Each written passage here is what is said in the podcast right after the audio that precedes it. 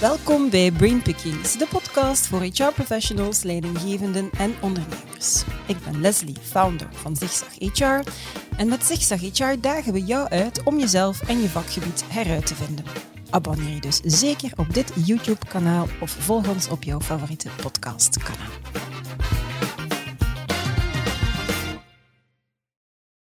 Flexibiliteit is ook als het gaat over mobiliteit. En het mobiliteitsbudget dat op 1 januari dit jaar in werking is getreden, past perfect in dat plaatje.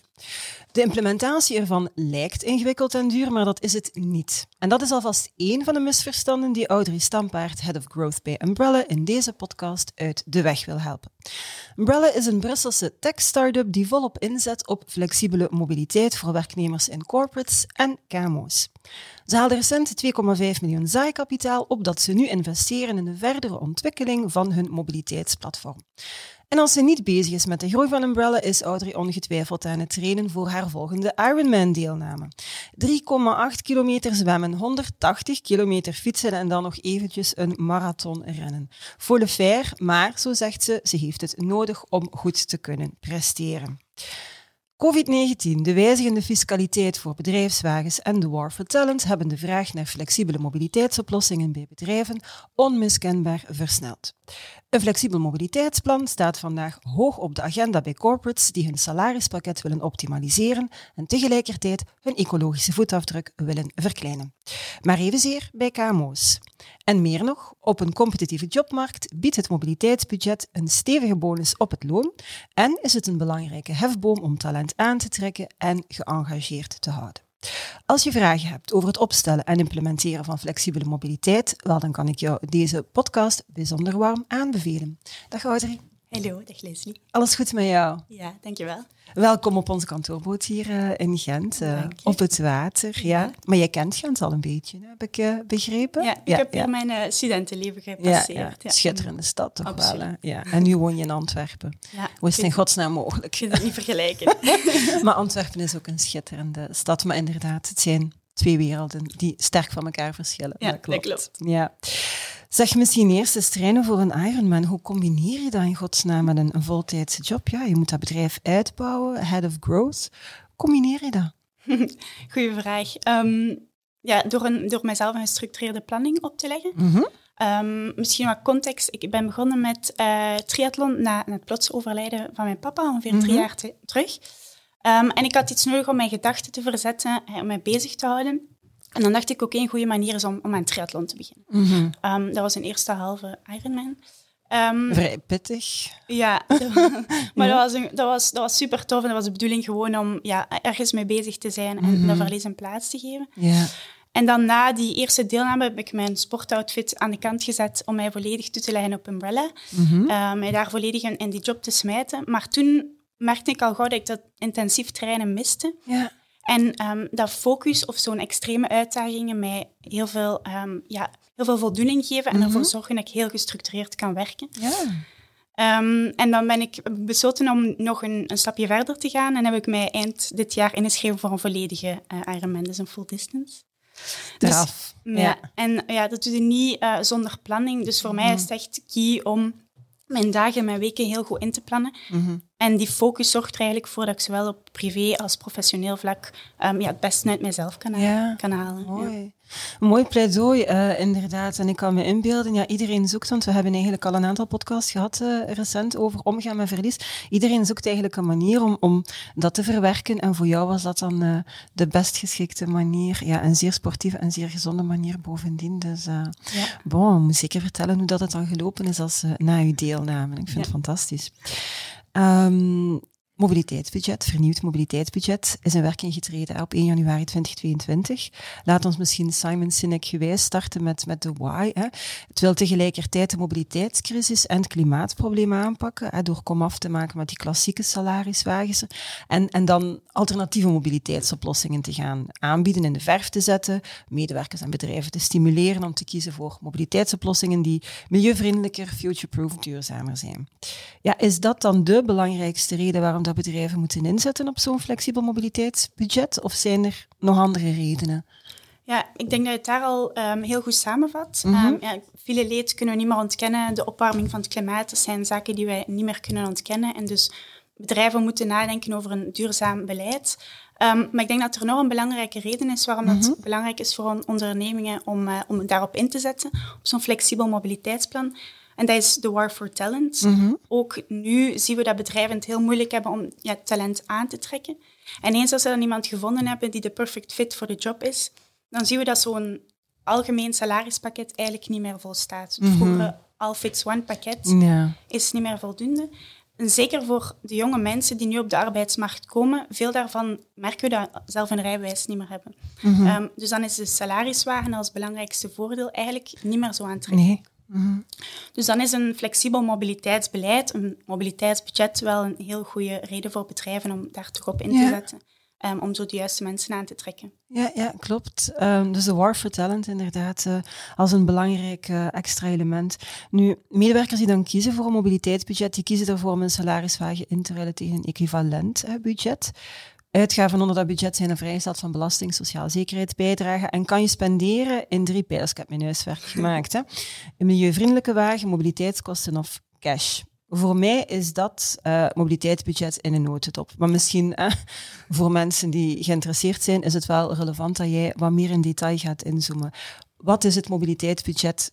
Niet in een notendop, maar wat uitgebreider. Ja, um, ja inderdaad, goed samengevat. Um, het mobiliteitsbudget is eigenlijk een federale wetgeving, dus een Belgische wetgeving, die ervoor zorgt dat werknemers de keuze hebben om een salariswagen in te wisselen voor een equivalent in mobiliteitsbudget. Mm -hmm. Mobiliteitsbudget is in werking getreden in 2019, heeft nu net een uh, vernieuwing gekregen, dus mm -hmm. het is uh, uitgebreid geworden. En het is de um, vervanger van de niet zo populaire cash-for-car-regeling. Ja. Mm -hmm. Dus um, daar is toch wel wat veranderingen geweest. En het is dus eigenlijk concreet de salariswagen inwisselen voor een mobiliteitsbudget. Nu, mobiliteitsbudget wordt berekend aan de hand van de TCO, of mm -hmm. de Total Cost of Ownership. En je moet dat zien als de totale kost van de wagen voor de werkgever. Dus um, het is een equivalent, dus je werkgever betaalt alle kosten van de wagen, leasing, verzekering, onderhoud. Mm -hmm. Die volledige kost um, krijg je in mobiliteitsbudget. En dat is misschien al een eerste misvatting. Vroeger bestond de, de, de, de opvatting, zeg maar, um, dat de wagen nog steeds belangrijker en een beter voordeel was dan een mobiliteitsbudget. Mm -hmm. Nu is dat niet meer het geval. Je nee. krijgt de totale kost die je werkgever heeft, krijg je in budget. Ja. Uh, misschien een concreet voorbeeld. Mm -hmm. uh, uw wagen kost aan uw werkgever, en veel werknemers weten dat niet, bijvoorbeeld 700 euro, alles in. Wel, die 700 euro krijg jij als potje die ja. je kunt spenderen in drie pijlers. Oké. Okay. En die drie pijlers dan, en wat kan je daar dan inderdaad um, concreet mee doen? Hoe kan je dat dan gaan inzetten? Um, inderdaad, drie pijlers. De eerste pijler is een milieuvriendelijke wagen. En dat mm -hmm. is al een verschil met de cash-for-car-regeling. Ja. Um, je kunt nog steeds een wagen nemen in het mobiliteitsbudget, zij, zij een kleinere wagen of een groenere. Ja. En de tweede pijler zijn uh, mobiliteitsuitgaven en huisvestingskosten. Ik zal daar straks nog even op ingaan. Mm -hmm. En dan de derde is een cash-out. Dus cash. Ja. Um, en die tweede pijler is eigenlijk een, een, hele belangrijke. Daar past heel veel in. Veel meer dan mensen denken. Denken, oké, okay, ik kan daar niet zoveel mee doen. Maar wat zit daarin? Mobiliteitskosten. Alles van openbaar vervoer, gedeelde mm -hmm. mobiliteit. Dus je kunt nemen een Poppy, een Dot, Uber. Al die zaken kunnen financieren met je mobiliteitsbudget. Mm -hmm. um, een fiets kopen voor u of voor uw gezinsleden. Um, dus, dus heel uitgebreid. En ook, wat veel mensen niet weten, is dat ook uw huisvestingskosten kunt financieren met uw mobiliteitsbudget. Ah ja? Wat wil dat zeggen? Met je mobiliteitsbudget kun je uw huur of um, uw hypothecaire lening um, betalen. Okay. Zonder daarop belast te worden. Ja. Tot voor kort was het voor de lening enkel het stukje rente, niet kapitaal. Maar nu vanaf 1 januari dus uw volledige hypothecaire lening kunnen financieren met uw mobiliteitsbudget. Mm -hmm. En zeker voor jonge mensen, als jij, ik zei ja. bijvoorbeeld 700 euro, maar zelfs als het maar 500 euro is, dat je netto kan spenderen ja. uh, aan huur of een, of een lening, dat is wel een Absoluut voordeel. dat zal wel zijn. Ja. En dan de derde uh, pijler is dan de cash-out. Dus op het einde van het jaar kun je ervoor kiezen als je nog geld over hebt om die te laten uitbetalen in cash. Daar is dan wel een uh, bijzondere werknemersbijdrage van 38,07 procent. Ja. Maar het is nog altijd beter dan gewoon uh, een bruto salaris die ja. dan zwaar belast wordt. Ja, ja. Oké, okay. en, en hoe begin je daar dan aan? Um, veel, ja, wij, wij horen heel vaak dan mobiliteits budget is complex, je moet daar niet aan beginnen. En HR-managers hebben daar een beetje schrik van. Ehm, dat is iets waar ik eigenlijk absoluut niet mee akkoord ben. Dat moet eigenlijk heel flexibel, heel gemakkelijk zijn mhm. voor de HR-manager. Um, en dat is eigenlijk wat wij doen bij Umbrella. Wij zorgen ervoor dat het voor de HR-manager heel gemakkelijk is om zo'n flexibel mobiliteitsbudget te gaan implementeren. Dus in plaats van een volledige mobiliteitsstrategie te moeten implementeren, die ja, documenten te laten ondertekenen, een hele administratieve romslomp, zorgen wij eigenlijk voor op, op Umbrella dat platform u gidst door het opzetten van een flexibel mobiliteitsplan. En in enkele klikken gaan wij u assisteren in het hele mobiliteitsecosysteem mm om dat te gaan, uh, gaan opzetten. En dan uh, kan het mobiliteitsbudget volgens jou dan de salariswagen echt vervangen? Is het met andere woorden echt een goed alternatief? Um, ja, we moeten daar eerlijk in zijn. Hè. De salariswagen blijft een belangrijk voordeel. Recent stond het, denk denk een paar dagen geleden, nog in, in de mm krant een onderzoek van Acerta. Die zei dat uh, de salariswagen nog steeds het belangrijkste voordeel of het meest gekozen voordeel is. Um, dus volledig weggaan daar durf ik mij niet over uit te mhm. spreken, nog niet. Maar ik denk wel dat het mobiliteitsbudget al een, goede, een stap in de goede richting is. Mm de reden waarom dat nog niet voldoende geïmplementeerd is, denk ik, is omdat de meeste mensen nog niet de voordelen kennen. Ze weten niet dat ze huisvestingskosten kunnen Bijvoorbeeld, was voor mij eerlijk gezegd ook een verrassing. Ja. Voilà. Dus het, ja, maar het gaat, het gaat het nog niet echt vervangen, maar het gaat wel al, het is een stap in de goede richting. Het gaat mensen bewust maken van, hebben wel vaak twee wagens nodig per gezin, dat is zo nog de standaard. Ja kunnen we al met ene minder. En niemand die dan de hypothecaire lening uh, aflost of treinabonnementen koopt, een, fiets koopt, mhm. ehm, die zaken. Dus dat denk ik um, dat, dat de weg is. Maar voldoende realiteit zijn, maar zoals alles gebeurende dingen doorgaans traag. Maar traag is ook goed, hè? zolang er maar een beweging uh, in is. Um, het wettelijk mobiliteitsbudget is momenteel alleen beschikbaar voor wie anders in aanmerking komt voor bedrijfswagen. Dat is echt wel de grote beperking. Maar zeg je, niets weerhoudt werkgevers ervan om binnen diezelfde filosofie meer flexibele mobiliteitsopties aan te bieden aan werknemers zonder een bedrijfswagen. Kan je daar iets meer over vertellen? Um, ja, een van de grote beperkingen is inderdaad het feit dat het enkel is voor werknemers mhm. die recht hebben op een bedrijfswagen. En daardoor wordt eigenlijk een hele groep werknemers uitgesloten. Zij kunnen sowieso niet instappen in het mobiliteitsbudget. Dus daarom zijn wij vanuit Umbrella een, een grote van, voorstander voor een uh, mobiliteitsbudget voor iedereen. Mhm. Wat bedoel ik daarmee? Um, dus in plaats van de zeer complexe uh, fiscale regeling van woon-werkverkeer, eigenlijk ervoor zorgen dat je een mobiliteitsbudget misschien een kleiner bedrag ter beschikking stelt voor alle werknemers. Die zij dan vrij kunnen invoegen allee, of gebruiken naar, naar gelang hun behoeftes. Ja. Dat is er vandaag nog niet, daar zijn wij voorstander voor. Maar los daarvan, zelfs als er nog niet is zo'n mobiliteitsbudget voor iedereen, denk ik dat er al heel wat opties zijn voor werkgevers om toch zo'n flexibel mobiliteitsplan op te stellen. Ik denk aan treinabonnementen, kilometervergoedingen, mhm. fietslease, die nu heel populair ja, is. Absoluut. Um, dus in plaats van daar één zaak uit te kiezen, eigenlijk de keuze geven aan uw werknemers van kijk, dit is er allemaal en pas het plan aan zoals ja. past best bij je noden. Ja, oké. Jullie kunnen ook de KMO's helpen. Uh, jullie hebben zelfs een gratis model voor KMO's gelanceerd, uh, dat die kleine onderneming dan ook de kans geeft om met zo'n interessante mobiliteitsplannen uh, naar de werknemers te kunnen gaan, zoals de grote bedrijven dat doen. Vind ik wel interessant om daar ook nog even op in te zoomen. Ja. Ja, we zien eigenlijk dat grote bedrijven daar al iets verder in staan, mhm. in zo'n flexibel mobiliteitsbeleid. waarschijnlijk al vanuit een duurzaamheidsperspectief. Zij moeten, ze zijn eigenlijk al ja, worden aangemoedigd om zo'n mhm. plan op te stellen. Dus zij staan verder. Um, en zij hebben daar ook meer budget voor. Nu, de KMO's eigenlijk ook toegang moeten kunnen krijgen tot zo'n flexibel mobiliteitsbeleid. En dat is wat wij doen voor de KMO, is eigenlijk die drempel verlagen. Ja. Flexibele mobiliteit, dat moet gemakkelijk zijn. En als we mhm. het echt willen veranderen, dan moeten we al die barrières weghalen voor de KMO. Mhm. En daar komt bij ons op de eerste plaats een gratis model, zijnde, en je kunt op het platform een gratis account maken. Van daaruit word je um, ja, geïnspireerd. Gaan wij je mhm. de in de Mobility Hub gidsen door alle opties die er bestaan. En je kunt Umbrella gratis uittesten op, je, eigen, uh, op je eigen tempo, zonder licentiekosten te betalen. Okay. Eens dat echt overtuigd zijn van, oké, dit is is meerwaarde voor mijn bedrijf en ik heb een plan opgesteld die past bij onze uh, toekomstvisie, wel dan kun je upgraden naar een betalende mhm. versie. Ja, maar zo kunnen ze dan eigenlijk op een inderdaad laagdrempelige manier, zoals je benoemt, alles gaan proeven en zien en dan gaan jullie hen gidsen. Want het moet inderdaad, gaat er een heel belangrijk element in, het moet makkelijk zijn. Het moet frictieloos gebruik ik zelfs heel graag. Het moet, uh, ja, gelijk dat we vandaag de dag alles doen, hè, betalen, een pizza bestellen, whatever dat moet makkelijk zijn. Dus ik, ik volg dat uh, volledig. Want uh, een van de misverstanden natuurlijk is dat het bijzonder, misverstanden, zo hoor ik jou toch, als het gaat over mobiliteitsbudget, is dat het bijzonder complex is en dat er heel veel administratie bij komt kijken voor HR. Maar door dat platform van jullie dan te gebruiken, vermijd je net al die administratieve romslomp. En jullie leggen dan ook nog eens een link met het Sociaal Secretariaat voor de correcte verwerking van het loon. Um, maar is het dan effectief? Ik kan me dat, we zeggen dat graag, het is makkelijk, het is frictieloos, maar als je dat nu wat kan concretiseren, dat mensen echt er even doorlopen met jou, vertel eens. Ja. Um, ja, ik hoor het u graag zeggen, frictieloos. En ik denk mhm. dat zeker onze, onze productmanager Quintin dat graag... Uh, gaat hij blij zijn? Ja, die gaat blij zijn. dat is uh, zijn, zijn woord van, ja. het moet frictionless ja, ja, ja. Um, dus ja, daar zijn wij 100% van overtuigd. Mm Wat zien wij vandaag in de praktijk? Ik zei het al daarvoor, het mobiliteitsbudget wordt afgedaan als moeilijk, als complex. Um, vaak wordt dat ingegeven door um, bedrijven of adviseurs die niet over een platform beschikken. En dan is het moeilijk. Ja. Hou maar eens zo'n plan bij in een Excel-file. Ja. Um, en dat elke maand updaten, dat duurt uren in administratie. Dus dan is en er kunnen veel fouten. En fouten, voilà.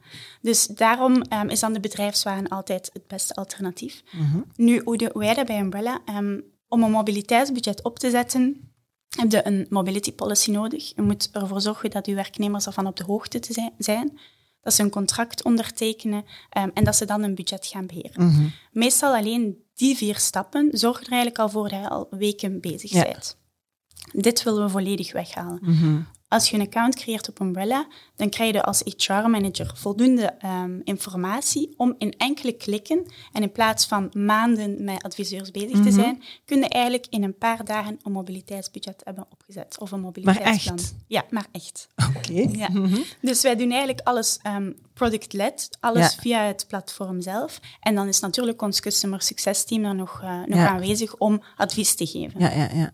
En dan uiteraard, als er dan echt ja, moeilijke vragen zijn, dan mhm. verwijzen wij naar onze partners voor, voor consultingadvies. Dus dat is in een notendop.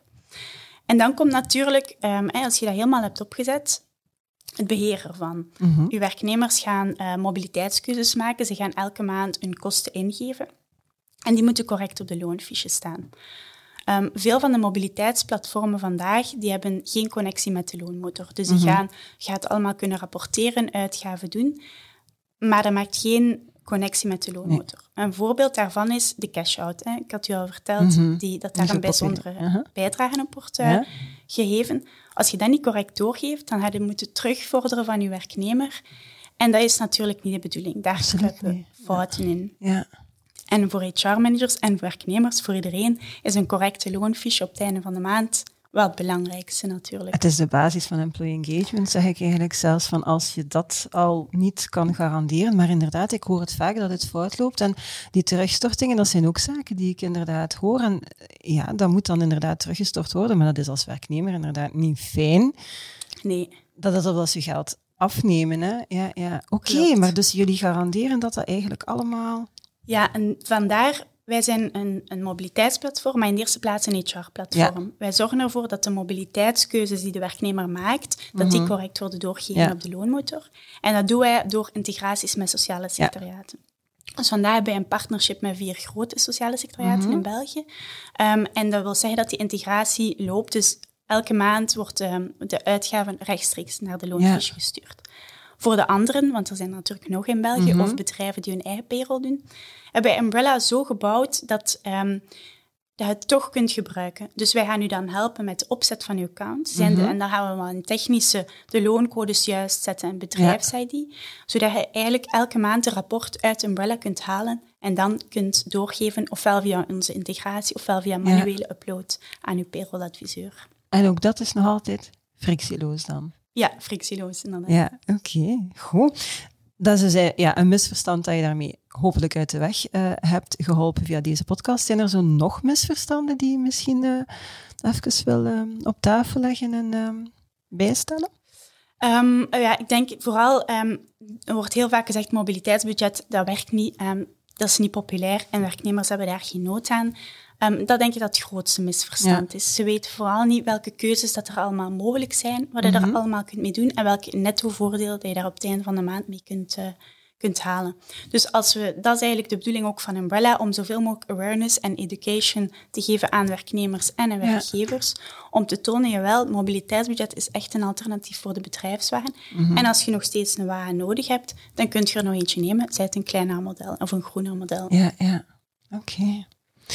Um, misschien om de podcast af te sluiten. Jouw drie ultieme, of misschien heb je er vier of vijf, jouw, jouw ultieme tips die mensen zeker moeten onthouden als het gaat over de mobiliteit van de toekomst. Um, misschien niet allemaal tips van mij, maar ook van, van Quinten of, uh, of van ons... De frictieloze man. Frictieloze man, dan kunnen we het gewoon beschrijven. Mm um, want we zijn allemaal bezig met mobiliteit, vooral de mhm. toekomst van mobiliteit. Dus misschien de eerste tip is de nadruk op duurzaamheid in mobiliteit mhm. is belangrijk en zal blijven. Ja. We kijken bijvoorbeeld uh, vaak naar Nederland, die misschien al wat verder staan. Um, en daar um, ze, hebben zowel uh, KMO's als grote ondernemingen moeten eigenlijk al aan CO2-rapportage gaan doen. En zij moeten onder een bepaalde maximumdrempel blijven. Mm -hmm. Dus um, CO2-meters zijn daar belangrijk en ik denk dat ook naar België gaat komen. Ja. Het zit een beetje als een calorieteller waar dat je voedsel of je, of je eten gaat, je calorieën gaat tellen. Mm -hmm. Wel, bedrijven gaan nu hetzelfde moeten doen okay. met CO2-uitstoot. CO2 ja, ja. Dus dat is één. Tweede, um, we gaan waarschijnlijk overgaan van uh, ownership model naar een usage-based. Mm -hmm. um, nu heeft iedereen een eigen privéwagen. We denken dat dat eruit gaat gaan. Dus ja. niet onmiddellijk, maar stilletjes aan. Mm -hmm. um, misschien ja, een Spotify hè, uh, is daar een Inderdaad, voorbeeld. Netflix. Ja. wij noemen het dan Netflix van, uh, van mobiliteit. Mm -hmm. En dus in plaats van uw eigen wagen, ga je een uh, mobiliteitsabonnement nemen. Uh, de bedrijven in Amerika zijn al bezig met all-in-one mobiliteitsabonnementen. Maar ook dichter bij huis, zoals, ik weet niet of je kent, Link Co. Nee, verdorie, nee. Dat is, uh, dat is een, nieuw, uh, een nieuw bedrijf, of ja, alleszins in België redelijk recent. En dat is um, een abonnement op een wagen.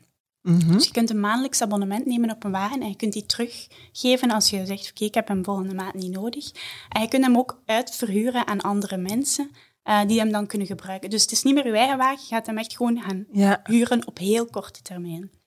Okay. Dus in plaats van ja. ownership ja. naar usage-based. Zo een beetje de deeleconomie die eigenlijk uh, ja, op bepaalde punten wel ingang vindt, maar met een auto is dat inderdaad eerder... Ja, mijn, mijn zoon van 22, die vindt dat dan, alhoewel hij heeft ook zijn wagen nu gekocht, maar hij was daar wel... Um, enorm voorstander van. Dus ja, dat volg ik. Mm -hmm. um, dat is de tweede tip. Derde? Um, ja, mobiliteit zal een belangrijk deel worden van de salarispakketten. Mm -hmm. Het vroeger de wagen. Um, wij denken dat het een beetje in dezelfde richting zal gaan als de maaltijdchecks, die ja. al sowieso een standaard ja. deel van, van, uh, van het salarispakket zijn. Wel, mobiliteit zien wij in dezelfde richting gaan. Mm -hmm. Dus een deel van echt het compensation and benefits verhaal. Ja. Um, en dan komt zo'n mobiliteitsbudget voor iedereen. Zou het heel gemakkelijk maken voor HR-managers om een stukje van bedrag te geven aan ja. mobiliteit die ze zowel privé als professioneel kunnen invullen. Ja. ja, vooral ook om het inclusiever te maken. Want anders is er in heel wat bedrijven een grote groep die daar gewoon geen toegang toe krijgt. En ook al gaat de werkgever op zoek naar oplossingen, dat voelt niet fijn hè, dat je daar uh, uitgesloten uh, wordt. Oké, okay. ja, kan je daar een termijn op plakken eventueel? Want je zegt we evolueren daar naartoe. Is dat dan drie jaar, vijf jaar of eerder een, een decennium als je het erover hebt? Um, moeilijke vraag. Ja, je hebt uiteraard geen glazen bollen, maar ik ben heel benieuwd. Ik heb de indruk dat we daar wel al een tijdje over spreken, maar dat er nu toch wel even een, een push is geweest. Um, ja. het, is, het is een gespreksonderwerp aan het worden. Ja. Ja, dat denk ik ook. Um, Ik denk niet dat we een decennium, dat zal, dat zal mm -hmm. lang zijn. Um, misschien op drie jaar, vijf jaar. En wat we zien inderdaad, die push, um, dat is ook een beetje gekomen door, door COVID. Mm -hmm. uh, mensen zijn verplicht van thuis moeten beginnen werken. Twee auto's die vaak voor de deur stonden. En werden ja. eigenlijk een stukje van uw salaris voor afgeven. Ja. Um, dus het is wel versneld. En dat zien wij ook aan onze klanten, dat ze nu echt wel bezig zijn van oké, hoe gaan we die hybride manier van werken mhm. vormgeven? Wat gaan we doen met de wagens? Um, zijn er alternatieven?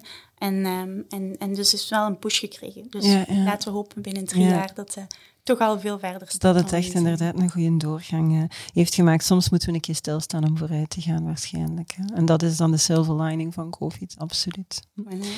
Goed. Dankjewel. Ik vond het, vond het heel helder toegelicht. Um, en inderdaad, ja, toch voor mij een aantal verrassingen. Die huisvesting die blijft mij persoonlijk toch wel bij. Het is een beetje jammer dat ik dat niet wist, denk ik, vanuit mijn rol. Maar toch uh, kan me inbeelden dat ik niet de enige was die, dat, uh, um, die daar nog niet genoeg bij stilstond. Dus hartelijk bedankt uh, voor jouw inzicht, Audrey. Graag gedaan. Dankjewel ook uh, aan jullie om te kijken of om te luisteren. Vond je deze podcast interessant? Vertel dat dan natuurlijk aan zoveel mogelijk mensen verder.